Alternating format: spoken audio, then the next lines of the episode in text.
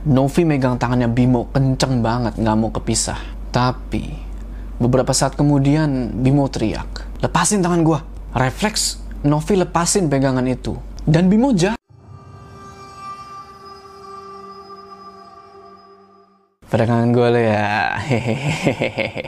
Assalamualaikum teman-teman, balik lagi sama gue Jauh. Apa kabar kalian semua? Semoga kalian semua yang menonton video ini diberikan kesehatan, dilancarkan rezekinya dan selalu dimudahkan urusan-urusannya dan selalu dilindungi dari wabah yang sedang melanda dunia saat ini. Udah lama nih kita nggak bahas pendakian-pendakian kalian yang serem-serem banget. Jadi Kembali lagi di segmen pendakian horormu di mana di segmen ini gue akan menceritakan cerita-cerita horor pendakian yang bersumber dari kalian. Dan pada kali ini gue dapat cerita dari seseorang yang namanya Novi. Ini mana dia mendaki ke Gunung Ciremai via Palutungan di tahun 2018 sama seorang temannya sebut aja namanya Bimo. Nah, menurut gue ini cerita ini cukup cukup bikin apa ya? Deg-degan lah. Penasaran sama ceritanya? Tonton video ini terus.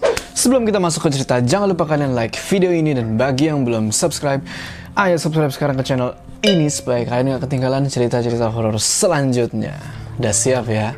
Mode horor aktif.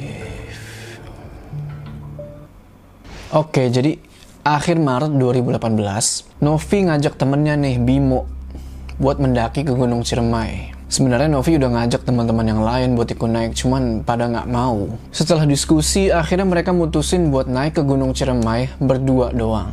Dan Bimonya sendiri nggak keberatan. Sedikit tentang Bimo. Jadi Bimo ini dia itu bisa ngelihat makhluk-makhluk gaib. Dia juga udah sering banget mendaki gunung. Makanya Novi percaya sama dia buat nemenin dia ke Gunung Ciremai ini. Awal April berangkatlah mereka berdua ini ke arah Kuningan dari Cilengsi dengan menggunakan bus dan mereka berdua mutusin buat mendaki lewat jalur Palutungan. Setelah perjalanan jauh sampailah mereka nih di Terminal Cirendang sekitar jam 10 malam. Karena udah sepi dan gak ada angkot buat ngangkut mereka ke base camp, akhirnya mereka berdua mutusin buat naik ojek. Dan sampailah mereka di base camp jam 11 malam. Oh iya nggak lupa, sebelum sampai di base camp, mereka sempat mampir dulu nih di minimarket buat beli-beli logistik tambahan lah. Sampai di base camp, kondisi udah sepi. Warung-warung udah tutup. Ya maklum udah jam 11 malam kali ya. Cuman ada satu warung yang buka. Yaitu warung yang persis ada di depan pos Simaksi. Nggak ada sama sekali pendaki lain di situ. Mereka terus pergi ke warung itu dan bapak-bapak penjaga warung itu nanya. Berdua aja nih mau mendaki? Iya pak, udah nggak ada orang di pos Simaksi ya pak? Iya, besok pagi baru ada yang jaga tidur aja dulu di sini. Setelah ngobrol-ngobrol sama penjaga warung itu, mereka berdua pun tidur di samping pos Simaksi. Jadi di samping pos Simaksi itu ada teras yang biasa dipakai sama pendaki-pendaki buat istirahat. Sebelum tidur, Novi sempat pergi sendirian nih ke kamar mandi yang ada di belakang pos Simaksi buat bersih-bersih. Bimo nggak nemenin karena dia sibuk gelar matras buat nanti mereka tidur. Waktu itu udah jam setengah satu malam dan Novi lumayan lama tuh di kamar mandi. Sampai akhirnya Novi ngerasa kayak ada orang di belakang dia. Padahal dia yakin, seyakin-yakinnya, gak ada orang lagi di situ. Akhirnya dia buru-buru tuh nyelesain urusannya dan balik lagi ke teras. Dan sekarang gantian Bimo yang kamar mandi. Akhirnya Novi sendirian tuh di teras di samping posimaksi itu. Di situ, dia ngedenger kayak banyak suara dari semak-semak. Dia mikirnya mungkin suara hewan atau apalah. Dia berusaha buat nggak peduliin suara-suara itu. Karena pas dia amatin itu semak-semak, nggak ada apa-apa. Besok paginya setelah mereka ngurusi maksi dan segala macam, mulailah mereka mendaki lewat jalur Palutungan sekitar jam 9. Di base camp mereka ketemu sama pendaki-pendaki lain. Tapi pendaki-pendaki ini bukan mau naik, mau pulang. Ya maklum lah soalnya hari itu hari Senin. Penjaga si Maxi juga bilang nih kalau nanti ada rombongan lagi di atas yang bakal turun hari itu. Mulailah mereka mendaki itu. Belum ada kendala apa-apa. Novi jalan di depan, Bimo di belakang. Ya nggak terlalu jauh lah. Cuman jarak beberapa langkah. Sekitar jam 1 siang, sampailah mereka di pos 1 Cigowong. Pas masuk ke pos ini, mereka bilang, Assalamualaikum, masih belum ketemu pendaki lain. Cuman ketemu tukang ojek aja yang lagi duduk-duduk. Mereka terus mutusin buat istirahat dulu di pos 1 itu. Sekitar 15 menit istirahat, mereka ketemu nih sama dua orang pendaki yang mau naik juga. Akhirnya mereka ngobrol-ngobrol sebentar. Dua pendaki ini namanya adalah Rama dan Risa. Ya, mereka cewek dan cowok juga. Novi terus janjian sama mereka buat bikin tenda nanti di pos 4, Arban. Karena Risa dan Rama baru sampai dan mau istirahat, Novi sama Bimo mutusin buat jalan duluan. Dan janjian sama mereka nanti buat ketemu di trek. Sebelum berangkat, Novi ngeliat nih kayak ada semacam patahan kayu. Bentuknya tuh kayak trekking pole. Trekking pole tau kan yang buat kayak tongkat gitu. Nah, si Novi sempet megang nih, sempet kepikiran buat dijadiin trekking pole, tapi dia nggak jadi. Dipikir dia ya belum butuh lah. Oke lah, Novi dan Bimo jalan duluan. Dengan formasi kayak tadi, Novi depan, Bimo belakang. Tapi ada yang aneh di sini. Novi ngerasa kalau carrier-nya itu sama sekali nggak berat, ringan banget. Padahal dia habis isi ulang air di pos Cigowong. Dan sekarang dia bawa dua botol minum yang gede itu yang satu setengah liter. Karena sumber air cuma ada di pos Cigowong sama gua Walet, makanya mereka mutusin buat ngisi air di situ. Harusnya kan carrier nambah berat. Tapi di situ dia ngerasa ringan. Singkat cerita, 20 menit kemudian sampailah mereka di pos 2, Kuta. Di pos ini ada sebuah pohon gede di tengah-tengah trek. Mereka mutusin buat istirahat sebentar di situ sambil nungguin Rama sama Risa. Novi duduk nyender nih di depan pohon. Arahnya ke jalan turun. Kalau Bimo nyender ke arah sebaliknya, ke arah jalan naik. Sempet Novi merem sebentar kan tuh. Sampai akhirnya dia kebangun. Kaget karena dengar suara angin dari atas pohon. Pas lagi ngeliat-ngeliat ke atas gitu, tiba-tiba Novi ngedenger kayak ada suara langkah kaki dari arah turun. Dia pikir itu Rama dan Risa. Terus dia ngeliatin kan tuh siapa sih tuh?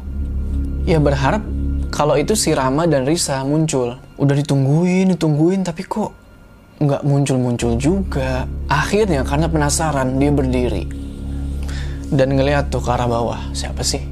Ternyata ada orang yang lagi gendong carrier pakai rain cover abu-abu. Cuman carriernya aja yang kelihatan, kepalanya enggak karena orang itu lagi rada nunduk. Novi mikir, dalam hati Novi bilang, oh si Rama sama Risa udah deket nih. Tapi kok lonceng kecil yang digantung Rama di celananya nggak kedengeran. Setelah itu Novi duduk lagi dan dia manggil Bimo. Tapi dipanggil-panggil kok nggak nyaut-nyaut nih orang.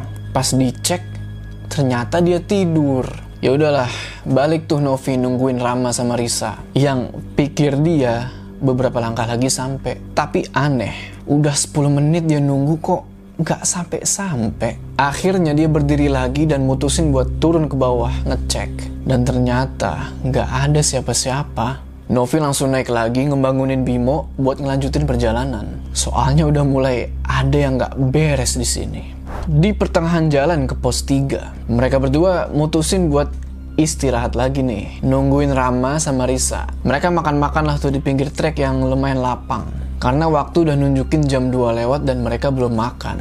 20 menit kemudian, muncullah si Rama dan si Risa. Di situ Risa kelihatan kayak yang capek banget, padahal dia cuma bawa depek. Dan di situ juga Novi baru sadar kalau carrier yang digendong sama Rama itu pakai rain cover warna oranye bukan warna abu-abu. Risa pakai depek yang otomatis kepalanya kelihatan. Novi inisiatif buat nanya, ada yang naik lagi nggak dari bawah? Rama jawab, nggak ada. Abis kalian naik, kita istirahat lama di pos 1. Habis itu lanjut lagi naik. Terus carrier abu-abu tadi siapa? Dan juga ternyata si Risa ini ngebawa patahan kayu yang tadi, yang kayak trekking pole, inget kan? Yang di pos 1. Setelah itu mereka semua makan-makan dulu, sebelum melanjutin perjalanan. Sehabis makan mereka jalan lagi. Dengan formasi Rama jadi leader. Di belakangnya ada Risa, belakangnya lagi ada Novi, terakhir sweeper adalah Bimo. Di sini Novi ngerasa kalau carriernya itu masih enteng banget. Malah kayak nggak bawa carrier, menurut dia itu aneh. Mereka jalan lumayan pelan karena mereka harus ngimbangin Risa yang katanya kakinya sakit. Udah dibujuk nih buat turun aja lah, tapi dia tetap ngotot buat naik. Akhirnya daypacknya Risa dibawain lah sama Rama. Jadi Risa naik nggak bawa apa-apaan, cuman bawa badan doang. Tapi tetap aja jalannya masih tertatih-tatih. Sampai di pos 3 mereka ketemu lagi sama rombongan pendaki yang mau turun. Kita sebut aja namanya Mas A, Mas B, sama Mas C. Novi nanya, turun mas? Iya nih kak, Masih ada pendaki lain ya di atas? Ada kak. Tadi kita sempat ketemu kok. Masih ada satu rombongan di belakang. Gimana cuaca di atas mas? Wah mendung mas. Nggak cerah. Hujan terus kalau malam. Setelah itu rombongan tersebut pamit buat lanjut turun. Karena mereka kayaknya lagi buru-buru. Risa sama Rama masih pengen istirahat di pos 3. Sedangkan Novi sama Bimo mutusin buat jalan duluan ke pos 4. Karena hari udah semakin sore. Di perjalanan ke pos 4, Novi sama Bimo ketemu nih sama rombongan yang tadi diceritain sama si Mas A. Mereka berdua nggak banyak ngobrol sama rombongan itu karena kelihatannya rombongan itu juga lagi buru-buru. Setelah itu Novi dan Bimo lanjut jalan lagi. Nggak pakai nunggu Rama dan Risa. Nggak ada kendala apa-apa selama perjalanan ke pos 4. Udah jalan-jalan-jalan, mereka mutusin buat berhenti lagi. Nungguin Rama sama Risa. Di trek yang lumayan lapang lah. Sekitar 15 menit kemudian, datanglah mereka berdua tuh. Dan tiba-tiba Risa nanya, kalian barusan dengar suara cewek teriak gak? Enggak. Masa sih? Kenceng banget loh. Novi sama Bimo cuman saling pandang-pandangan. Bimo nanya, kalian istirahat lama banget? Iya, tadi kita masak mie dulu di trek. Setelah itu Bimo ngajak mereka buat lanjut jalan karena hari udah semakin gelap. Formasi sekarang Bimo di depan jadi leader dan Rama sekarang jadi sweeper. Mereka udah jalan lama banget, tapi Risa masih aja ketinggalan. Rama udah kelihatan kesel tapi ditahan sama dia. Akhirnya Novi sama Bimo sampai duluan di pos 4 Arban, sekitar jam 5 sore. Mereka terus bangun tenda di samping kiri pohon besar yang ada plakat Arban. Sampai saat ini Novi belum merasa diganggu, kecuali yang kejadian tadi tuh yang di pos 2, yang carrier abu-abu itu. 10 menit kemudian, datanglah Rama dan Risa. Novi pikir mereka bakal bangun tenda di sebelah kanan pohon, jadi mereka deket nih tapi mereka malah di seberang, seberang trek jauh. Setelah bangun-bangun tenda, hujan turun. Sekitar jam 8 malam, selesai masak-masak dan makan-makan, Bimo pamit buat tidur duluan. Posisi tidurnya, Novi deket pintu, Bimo pojok. Mereka nyerangin tenda cuma pakai satu senter. Cahaya yang cahayanya kuning dan itu juga udah redup. Sebelum tidur, Bimo bilang, kalau dengar apa-apa di luar tenda, Jangan dipeduliin. Gue tidur duluan ya. Novi cuma diem. Dia pikir mungkin suara-suara yang dimaksud Bimo itu babi atau hewan-hewan lain lah. Sampai jam 10 malam Novi nggak bisa tidur, cuman merem-merem doang. Di situ dia bilang, aduh semoga ada pendaki lain biar rame. Gak lama setelah itu, tiba-tiba sayup-sayup kedengeran suara langkah kaki dari arah turun. Waktu itu hujan udah nggak deras, tapi masih gerimis. Novi terus bangun dari posisi tidur, dia duduk, terus fokus ngedengerin suara langkah kaki itu dari pintu tenda. Suara langkah-langkah kaki itu kayak makin deket, makin deket, dan banyak kayak rombongan. Dalam hati dia bilang, Alhamdulillah banyak temen. Langkah kaki mereka berhenti tepat di depan tenda. Dan kedengeran mereka lagi ngobrol, cuman nggak jelas karena saru sama gerimis. Tapi yang jelas kedengeran kayak ada suara orang buka resleting tas. Sama ada yang bilang, kita ngecamp di sini. Novi terus balik tiduran karena dia yakin kalau mereka itu bakal ngecamp di situ. Tiba-tiba ada suara jelas banget di telinga kirinya Novi. Bener-bener kayak dibisikin. Suara itu bilang, mau ngopi nggak? Tapi suara ini beda sama yang tadi bilang kita ngecamp di sini. Suara cowok, Novi langsung menjemin mata dan tidur ngadep Bimo yang kelihatannya udah pules. Pada akhirnya Novi bisa tidur, tapi dia kebangun jam 12 malam karena denger Rama teriak dari tendanya. Bang Bimo, mau summit bareng nggak? Novi terus, jam berapa dah nih? Jam 12 malam mau ngajakin summit nggak salah. Dia terus ngebangunin Bimo karena keganggu sama suara Rama yang teriak-teriak terus. Oh iya, hujan udah reda saat itu. Bimo terus bangun nanya, jam berapa sekarang? Kata Novi, jam 12. Buset, kata Bimo. Tiba-tiba Novi keinget nih sama rombongan yang tadi yang bilang kita ngecamp di sini. Terus dia nyuruh Bimo buat ngecek tendanya Rama, buat ngecek juga bener nggak tuh pendaki-pendaki pada ngecamp di situ. Novi bilang, Mending lu ke sana bang, jangan saut-sautan, berisik. Akhirnya Bimo keluar dan nyamperin Rama. Nggak tahu mereka ngobrolin apaan, sedangkan Novi sendirian di dalam tenda. Nggak lama kemudian, Bimo balik nih. Terus ditanyalah sama Novi, ada berapa tenda bang di luar? Dua lah. kita sama Rama. Novi di situ cuman diem. Tapi kayaknya Bimo tahu sesuatu. Kelihatan dari mukanya. Novi mikir kalau mungkin rombongan yang semalam itu lanjut naik dan ngecamp di pos Pasanggerahan. Terus Novi nanya ke Bimo, kenapa deh mereka minta sampai jam segini banget? Nggak tahu. Katanya si Risa ngotot minta samit kayak yang ketakutan gitu. Yakin nih kuat mau samit. Kondisi tadi siang aja dia udah kayak gitu. Nggak tahu.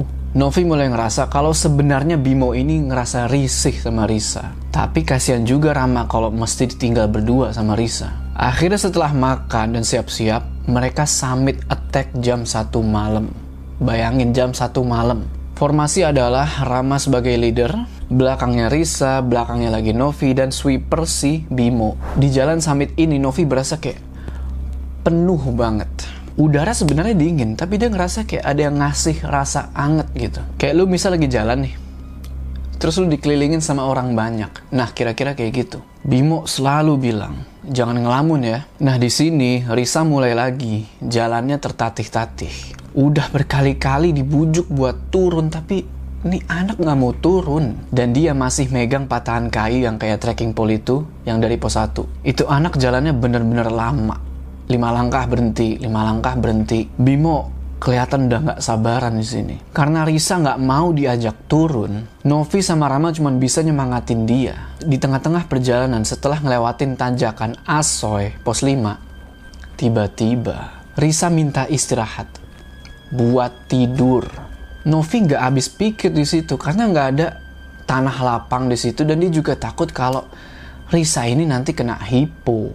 Tapi dia tetap ngotot buat minta tidur di trek. Novi sama Bimo cuman bisa saling tatap-tatapan kayak gak habis pikir.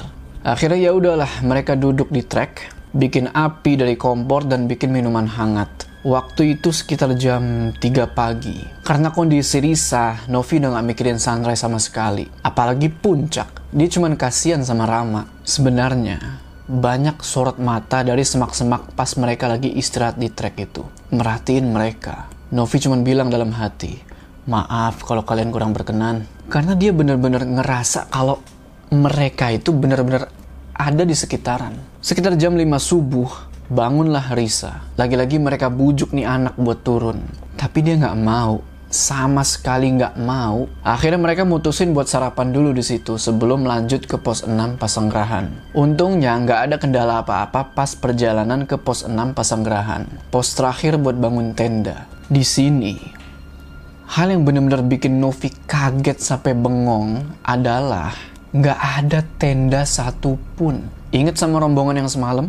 Kalau mereka nggak jadi camp di pos Arban dan nggak camp juga di Pasanggerahan, terus mereka camp di mana? Apa mungkin mereka langsung turun? Kayaknya nggak mungkin. Sekitar jam 8 pagi sampailah mereka di pos 7 dengan Risa yang masih terseok-seok. Pas istirahat, Risa mulai ngebahas nih. Apa yang dia lihat semalam di sebelah tendanya Novi. Novi di situ nggak nanggepin sama sekali. Bimo terus mulai ngajak buat jalan lagi supaya si Risa ini berhenti ngomongin itu.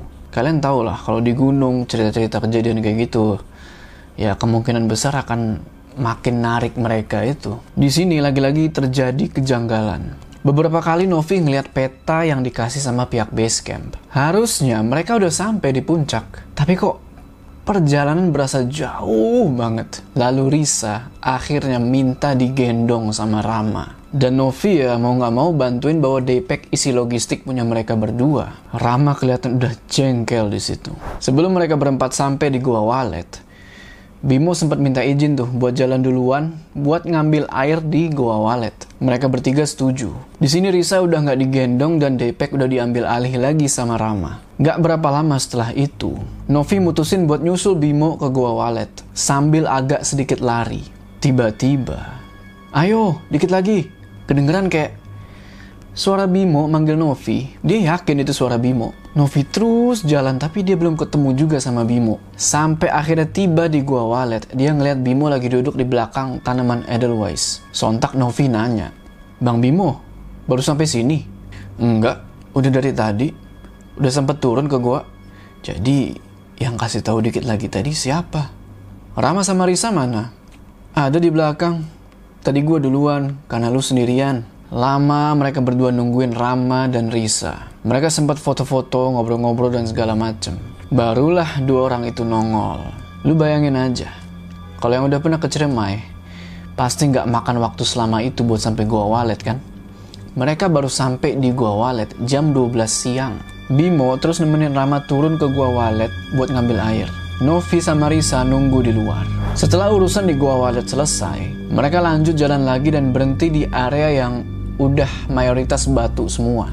Pas lagi duduk, Novi baru sadar kalau ada lobang di belakang dia yang ngarah ke bawah atau ke Gua Walet. Gak lama kemudian, dia dengar suara. Kayak ada suara auman dari dalam lubang itu. Bukan cuma Novi yang denger, tapi Risa juga denger. Bahkan mungkin semuanya denger. Risa langsung nanya, kalian denger nggak? Mereka bertiga jawab, enggak. Dan mereka langsung diri lanjut jalan lagi. Novi udah nggak tega banget ngeliat Risa tuh jalan sampai ngerangkak. Separah itu, asli ngotot banget minta sampai ke puncak.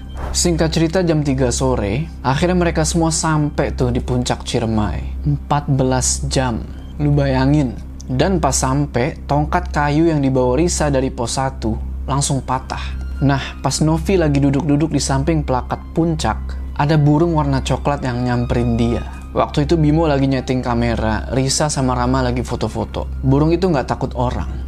Udah disamperin burung itu, tapi dia nggak terbang. Habis foto-foto, ngemil, segala macem, sekitar jam 4 sore, mereka mutusin buat turun karena cuaca udah mulai mendung. Nggak ada kendala pas turun. Bahkan Bimo sama Novi sampai bisa lari-lari di trek. Sambil lari, sambil sebentar-sebentar berhenti buat ngecek Rama sama Risa yang di belakang. Burung itu ternyata masih ngikutin. Setiap Novi berhenti, burung itu selalu ada. Sampai pada akhirnya, Rama sama Risa udah nggak kelihatan lagi. Novi sama Bimo mutusin buat nunggu mereka berdua di samping trek yang lumayan lapang. Di sana ada pohon tumbang yang lumayan gede. Oh iya, waktu itu mereka sempat papasan nih sama rombongan Sispala di trek. Dan pas mereka berdua lagi nunggu Risa sama Rama, Ternyata si Spala itu balik lagi sambil bawa Risa dengan cara digendong, disusul sama Rama. Rama bilang kalau Risa itu nggak bisa jalan, badannya berat dan kakinya sakit. Tiba-tiba hujan turun deras banget dan Bimo bilang, cabut, kita nggak bisa di sini. Ini bukan tempat kita. Napas Bimo jadi nggak teratur. Dia kelihatan panik nggak tahu apa yang dia lihat. Waktu udah jam 5 sore, tapi udah kayak malam. Rama, Risa, sama rombongan Sispala jalan duluan. Tinggal Novi sama Bimo nih, mereka berdua lagi. Terus mereka jalan. Sepatu udah mulai berat karena mesti ngelawan air. Jalanan sempit, tapi gak lama kemudian mereka ketemu lagi sama Rama, sama Risa yang lagi duduk di tengah trek. Novi sontak nanya, loh si spalanya mana? Rama bilang udah turun ke bawah. Mereka nyerah, Risa berat banget. Novi mau duduk, tapi langsung ditahan sama Bimo. Terus Bimo bisikin dia, kita nggak bisa di sini terus. Terus mereka gimana? Gini aja, gue sama Novi jalan duluan. Kalian jalan pelan-pelan aja. Tenda Sispala itu ada di pos 6. Udah nggak jauh dari sini. Gue nanti akan minta tolong ke mereka. Mudah-mudahan aja ada ranger di sana. Oke kalau gitu, kalian berdua hati-hati ya.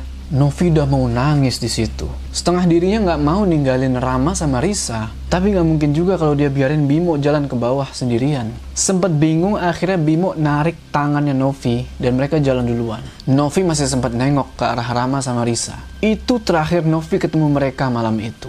Novi nangis, sedih karena harus ninggalin mereka berdua di sana. Dan nggak bisa berbuat apa-apa kecuali berdoa Novi dan Bimo jalan berdua duluan nyusurin trek yang udah gelap banget. Dan mereka cuma punya satu sumber cahaya, yaitu dari senter HP dan itu pun juga baterainya tinggal 15%. Bimo di depan, Novi di belakang. Terus Bimo bilang, Dengar ya, kita nggak bisa jalan berdampingan. Jangan nengok ke mana-mana selain ke trek. Lu pegang senter ini dan arahin ke bawah. Bantu gue lihat jalan dari belakang. Jangan lepasin tangan gue ya. Bimo ngomong gitu sambil sedikit teriak soalnya hujan deras. Di saat yang bersamaan, kabut juga turun. Novi megang tangannya Bimo kenceng banget nggak mau kepisah. Tapi, beberapa saat kemudian Bimo teriak, lepasin tangan gua. Refleks, Novi lepasin pegangan itu. Dan Bimo jatuh, guling-gulingan, terus berhenti tepat di samping pohon. Pohon ini ada dahannya yang patah dan ujungnya itu runcing. Dikit lagi aja kalau sampai salah jatuh si Bimo, mungkin dia udah ketusuk. Langsung nangislah Novi di situ. Dia langsung ngejar dan coba buat bangunin Bimo. Lu nggak apa-apa bang? Nggak apa-apa kok, ayo lanjut jalan. Mereka pun lanjut jalan.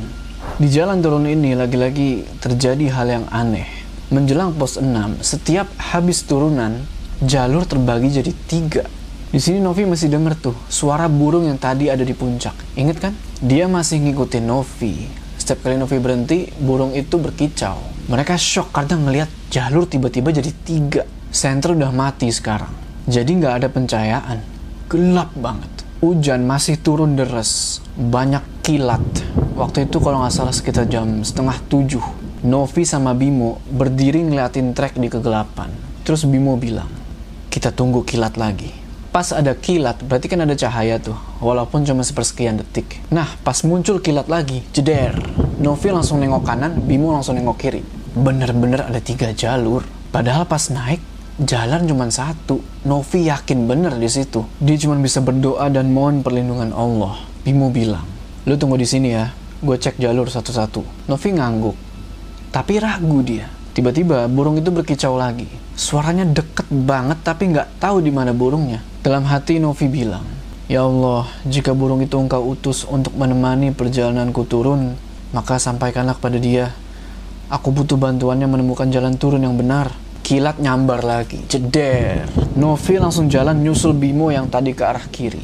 Bareng sama Kilat, Novi terus manggil Bimo. Bang, Bimo denger, dan langsung nyuruh balik. Dia bilang kalau jalur itu ngarah ke jurang.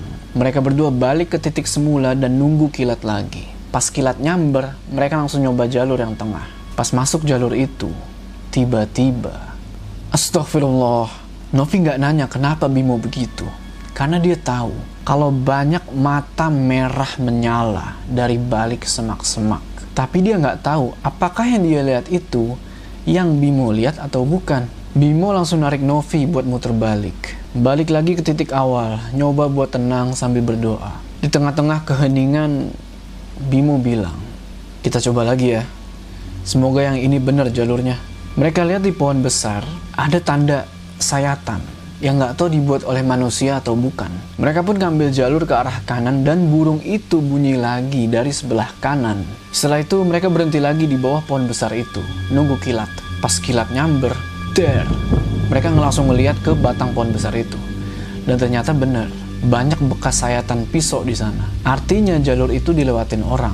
Mereka yakin dan mutusin buat ngambil jalur itu. Kejadian jalur jadi tiga ini terus berulang sampai tiga kali. Dan Novi baru sadar, di mana asal suara burung itu, di situlah jalur yang benar. Singkat cerita, sampailah mereka di pos 6 Pasanggerahan dan ketemu sama tenda Sispala yang tadi. Mereka nggak bisa bantu buat naik ke atas lagi dan nawarin Novi sama Bimo buat nginep di tendanya. Tapi mereka nolak dan mutusin buat lanjut turun ke bawah ke pos 4. Novi sama Bimo jalan tanpa istirahat sama sekali dan tanpa penerangan. Tapi untungnya udah nggak ada hambatan. Udah nggak ada tuh yang jalur jadi tiga. Hujan masih turun dan burung itu masih kedengeran suaranya. Sekitar jam 9 malam, akhirnya mereka berdua sampai lagi di pos 4 Arban.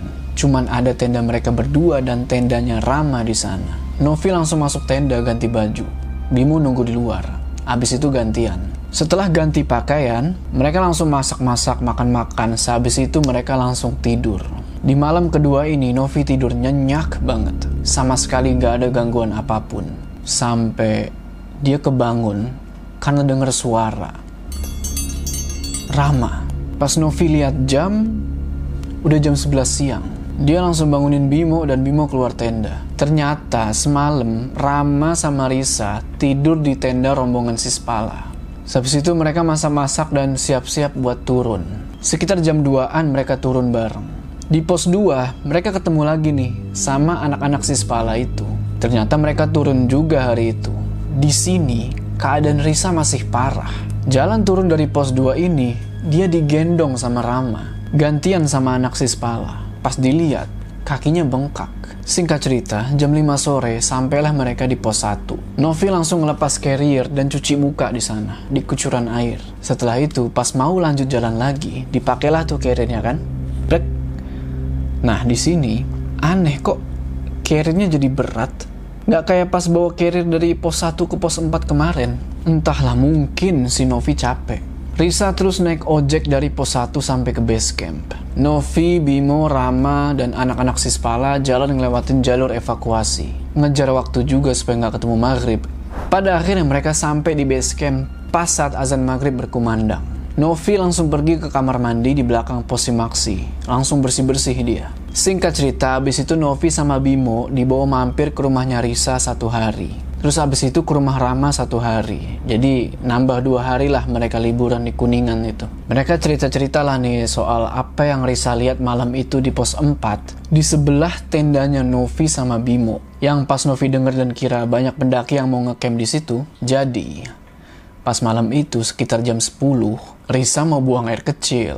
Dia keluarlah tuh, pergi ke samping tenda. Setelah selesai buang air kecil, dia masuk lagi ke tenda. Nah, pas mau nutup flysheet, Risa sempat nengok nih ke arah tendanya Novi. Bingung dia di situ kok tendanya Novi terang banget. Padahal kalau kalian inget, Novi cuma pakai senter cahaya kuning yang udah redup buat nerangin tenda. Nggak cuma itu. Yang bikin Risa lebih kaget lagi. Pas dia ngeliat kayak tegesin gitu. Kok kayak ada sosok yang lagi berdiri di samping tendanya Novi. Awalnya Risa pikir itu Novi atau Bimo. Tapi nggak mungkin. Soalnya sosok itu punya kaki yang panjang banget. Dan sosok itu tuh gede, warnanya hitam. Pas terus berusaha buat nutup flysheet, angin tiba-tiba berhembus kencang lewatin mukanya. Sontak dia langsung buru-buru masuk ke tenda dan bangunin Rama buat ngajakin summit. Jam 10 malam. Tapi ditahan-tahan tuh sama Rama sampai jam 12 malam. Yang gua heran ini kan Risa abis ngeliat demit ya. Kok dia bisa-bisanya ngajak Samit kalau gua mah malah meringkuk di tenda. Ngapain Samit kalau menurut Novi mungkin Risa berat bawa badannya itu karena dia bawa tongkat yang dari pos 1 itu yang artinya dia ngambil barang yang bukan miliknya nggak tahu deh Bimo nggak banyak cerita soal ini dia cuma minta maaf sama Novi karena energi dari benda yang dia bawa itu bentrok sama energi yang ada di Ciremai. Kalian tahu kan apa yang dimaksud benda itu? Jimat. Novi berkali-kali tiap istirahat kayak pengen ngelamun aja gitu. Tapi selalu berhasil disadarin sama Bimo. Novi juga ngerasa kalau jalan dari pos 4 ke puncak sampai turun lagi ke pos 4 mereka itu nggak nggak cuma berempat tapi banyak yang nemenin perjalanan mereka. Bimo bilang emang banyak yang jalan beriringan sama Novi. Nah, itu mereka. Sedikit pesan dari yang punya cerita. Di mana pun kita berada, alam adalah rumah. Kita adalah tamu. Kalau kita bertamu dengan sopan dan energi kita positif, maka si pemilik rumah akan menyambut dengan senang hati.